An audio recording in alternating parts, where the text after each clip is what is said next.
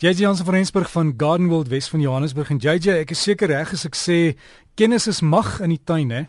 O ja, nee, definitief. Jy weet vir alles ou kyk na die hoeveelheid werk wat 'n mens kan jouself spaar as jy dit of die eerste slag reg doen of as jy dalk iemand inkry om te help om die eerste slag reg te doen. Maar JJ, ja, onder... ek het ek het vroeër ons skies 'n SMS gehad van Janet wat sê hulle bly in 'n gebied waar daar verskriklik baie ryp in die winter is. Um, hulle wil kunsmis gooi voor die winterryp kom. Is dit nodig of moet mens maar net wag? Hier Derek is eintlik nog 'n interessante onderwerp want baie mense sal nou my heeltemal afskiet en sê hoe kan jy sê mens moet voor die winter voer? Maar ja, ek sê mens moet voor die winter voer vir al as jy in 'n koue area bly, maar as jy gaan voer moet jy die regte voeding gebruik. En toevallig onthou dit wat jou plante sterk maak teen die winterkoue, dit wat die plant self sterk maak teen die winterkoue, is die kalium in jou voedingsstof. So as jy uh, kunsmis gaan gooi, moet jy ietsie gebruik soos 'n rooskunsmis of iets van daai aard wat hoog is in kalium ietsie soos 'n 315 of 'n 815 onthou daai daai nommer 5 aan die einde of die nommertjie aan die einde is jou kalium en dit gaan maak dat jou plante baie sterker is teen die winterkoue, teen ryp, teen droogte, teen die koue winde ensovoorts. So ja, ek sou sê as jy in 'n koue area bly, voer jou hele tuin ietsie wat hoog is in kalium. Dit gaan werk. JJ, ek weet baie van die mense wat uh, palmbome het wat sensitief is vir koue, partykeer gee hulle ook vir hulle kalium vir die winter en dan sê hulle dit goed oorleef. O ja, definitief. En dit maak reeds jou plantselle soos ek gesê het baie sterk. So ja, kyk uit vir iets wat jy kan gebruik kaliumvorm of wat hoog is in kalium. Um en dan gaan jou plante baie meer kalium in hom hê wat hom sterker gaan maak. En dan 'n ou probleem is daai blaasies op die suurlemoenboom se blare, JJ.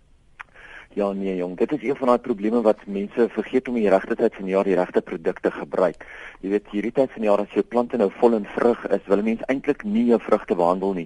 Alhoewel daar so eintlik so 'n 2 maande wagperiode is, kan 'n mens dit ehm um, as jy nou ietsie gebruik met jy ietsie gebruik wat nie heeltemal so sterk is nie. Ek verkies om in die vroeë lente, sê Augustus September maand, van daai complete om die plante te in te water Onthou wat dit doen is hy word hierdie plant opgeneem, hy word hierdie plant versprei en hy maak hy verseker dat jou plante glad nie gaan siek word vir die volgende seisoen of vir die volgende jaar nie.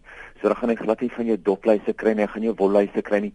Daai blaasies is natuurlik bladvlooi wat wat dis dis 'n insek wat eintlik die die die die blare steek en eiers in die blaartjies lê net soos die blaartjies ontwikkel. So as jy 'n groot probleem aan jou kant het, ja, kan jy nou behandel, dan sou mens ietsie gebruik wat nie so sterk is nie, miskien soos 'n Nox Home of so, iets wat vinniger die plant het werk, maar as jy weet dat jy nie binne die volgende 2 of 3 maande jou vrugte gaan oes nie, as hulle nog baie klein is, as, as jy nog baie blommetjies op die vrugte het, gebruik eerder die Complete want hy werk baie langer en hy hy werk baie beter.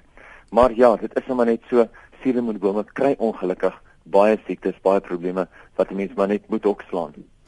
JJ iemand het ook vroegoggend ge-SMS om te sê ek moet asseblief jou vra het uh, ek dink ridder gebruik vir die bossies en goed en hulle het een bedding waar die rose staan en hulle dink van die gif het dalk op die rose gekom die rose is nie wat dit moet wees nie. Weet jy jou probleem is dat ridder is maar soos baie ander uh algemene onkruiddoders is dit 'n uh, non-selektiewe onkruiddoders. So hy sal alles doodmaak waarop hy val. Nou as dit byvoorbeeld in 'n roosbedding gebruik was en die mense was baie versigtig tussendeur, maar 'n klein bietjie het wel op die rose se blare gekom, gaan jy wel vind dat daai rose skielik nuwe verknoetste groei uitstoot. Dit sal nuwe groei wees wat baie fynner blaartjies is, soms sulke knoetse knoetse um blaartjies en dis eintlik heel maklik al wat mense nou moet doen is jy moet die plante net sterk terugsny in die wintermaande en kyk na die winter hoe dit uitgroei. As dit mooi na die winter uitgroei, baie geluk. As dit nie mooi uitgroei nie, haal dit uit en vervang dit. Daar is ongelukkig nie 'n middeweg wat jy kan vat en sê kom ons gooi hierdie by of kom ons gooi daai by en ons kyk of dit kan uitwerk nie. Dit hang alles af van hoe erg hierdie plant geaffekteer was deur die ridder. Ongelukkig is dit 'n algemene doder. En JJ, hoe lank bly daai daai gif dan in die grond? Was dit uit of moet jy nuwe grond ook insit? Gelukkig bly dit so 3 weke, 4 weke in die grond. So nadat jy basies 'n uh, nuwe bedding gespuit het en jy van al daai um van al daai onkruide ontslaag geraak of jy die onkruide doodgemaak wat jy kon sien. Het jy omtrent 3 weke tot 'n maand wat jy moet wag wat 'n wagvrede is en dan kan jy maar plant. Dan is dit heeltemal uit die grond uitgewerk. So ja, dit bly daarmee te lank in die grond nie. JJ mense moet net altyd die aanwysings volg en onthou enige chemikaliese middels lees die etiket, gebruik beskermende klere drag want jy weet gif is nie iets om mee te speel nie. Bietjie gifvervlat nie iets om mee te speel nie en daar's is eintlik soveel foute wat mense maak. Ek wil dit amper parallaksfoute noem.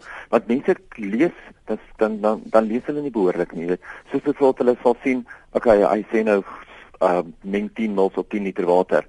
Dan sê hulle, weet jy wat, ek wil nou een keer van hierdie probleem ontslaa raak. Ek gooi sommer 20 ml by. Uh dit is eintlik baie sleg vir die omgewing, maar dit is ook 'n verskriklike mors van gifstowwe.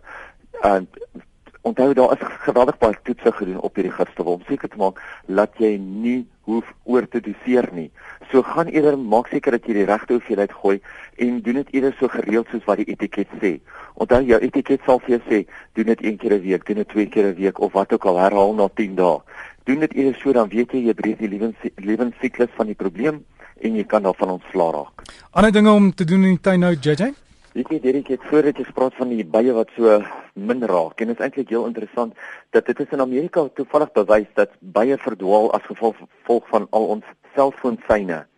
So jy sal dit dis nou interessant want logies is daar baie meer selfone in Amerika as wat daar in Suid-Afrika is, maar ja, as ons is ook baie kleiner, so dis ook baie meer gekonsentreer. Dis baie interessant um hoe die bye deesdae minder word want ek het geweldig baie mense wat vir my sê hulle het vrugtebome wat vol in bloei was wat ongelooflik mooi gelyk het maar daar's geen vrugte nie. Nou die rede hoekom daar geen vrugte kan wees nie is gewoonlik as gevolg van voeding of as gevolg van bestuiving. Jy weet en as 'n nuwe bestuiving is nie soos jy vroeër gesê het gaan ons uit kos uit hardloop want die bye moet hulle ding doen. So elke liewe bytjie wat jy kan deesdae moet jy maar probeer bespaar moet jy maar probeer behou Ehm um, mense sê dis daar vir my, hoorie wat doen ek? Ek het 'n baie korf, ek het baie 'n uh, 'n uh, 'n swarm baie wat ingetrek het. Dan sê ek vir hulle, weet jy wat, hou hom daar. Jy's baie baie gelukkig want jy sal 'n suksesvolle tuin hê. Maar hierdie tyd van die jaar, 'n uh, blare begin val in sekere gedeeltes en ander gedeeltes het ons verskriklik baie skroeiende hitte. Ander gedeeltes is daar weer baie reën en ander gedeeltes is daar weer baie minder reën. Jy weet, en dit maak dit eintlik weer vir ons baie dit, dit bring dit na naby aan die hart oor hoeveel water ons moet bespaar in ons eie tuine. Want ons water is sekerlik ons kosbaarste uh, item in die wêreld of ons kosbaarste produk wat ons ooit gaan hê in die wêreld. En ek sien wat baie interessant is, nou met al hierdie blare wat begin val.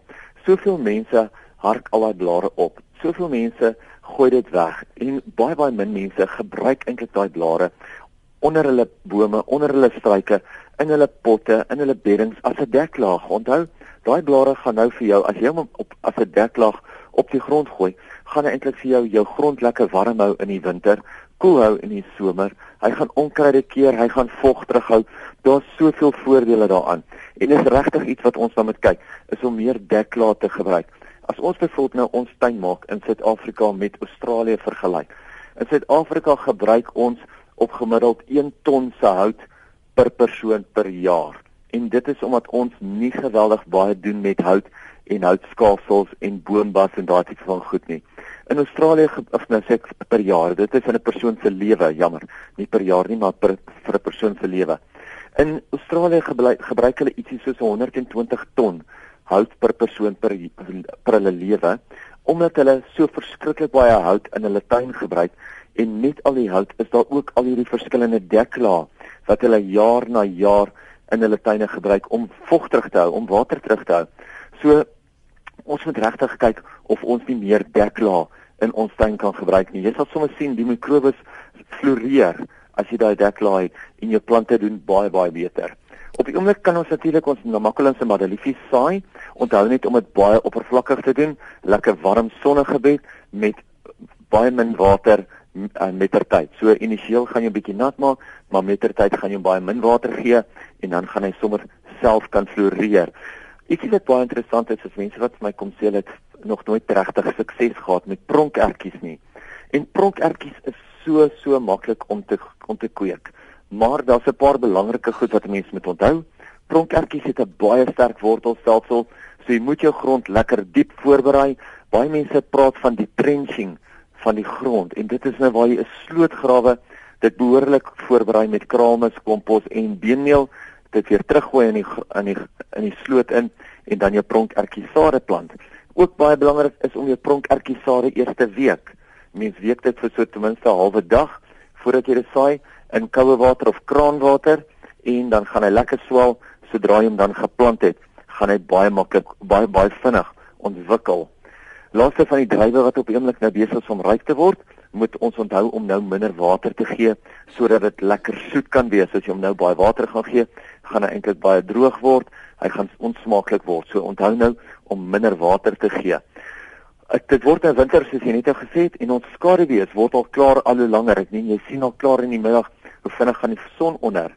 Ons moet seker maak dat ons nou ons water aanpas, dat ons ons besproeiingsstelsels aanpas, daai beddings wat nou skielik baie minder son kry, baie minder water kry, want anders te gaan jy jou plante versuip. Onthou nou, hulle praat altyd van 'n 6 voet skaduwee, op 'n 6 voet muur gaan jy ekstra 6 tot 8 voet skaduwee in jou tuin kry. En dit is geweldig baie en dit maak 'n groot verskil in wat jy daar kan plant en watse tipe van benatting, watse tipe van watering jy nou moet toepas. Direk dis dit vir hierdie week. Mense is welkom natuurlik weer vir my e-posse te stuur. Ek is weer op die pos en hulle moet lekker tyd maak. So gesels ons met JJ Jans van Rensburg en sy e-pos is jj by gardenworld.co.za jj by gardenworld.co.za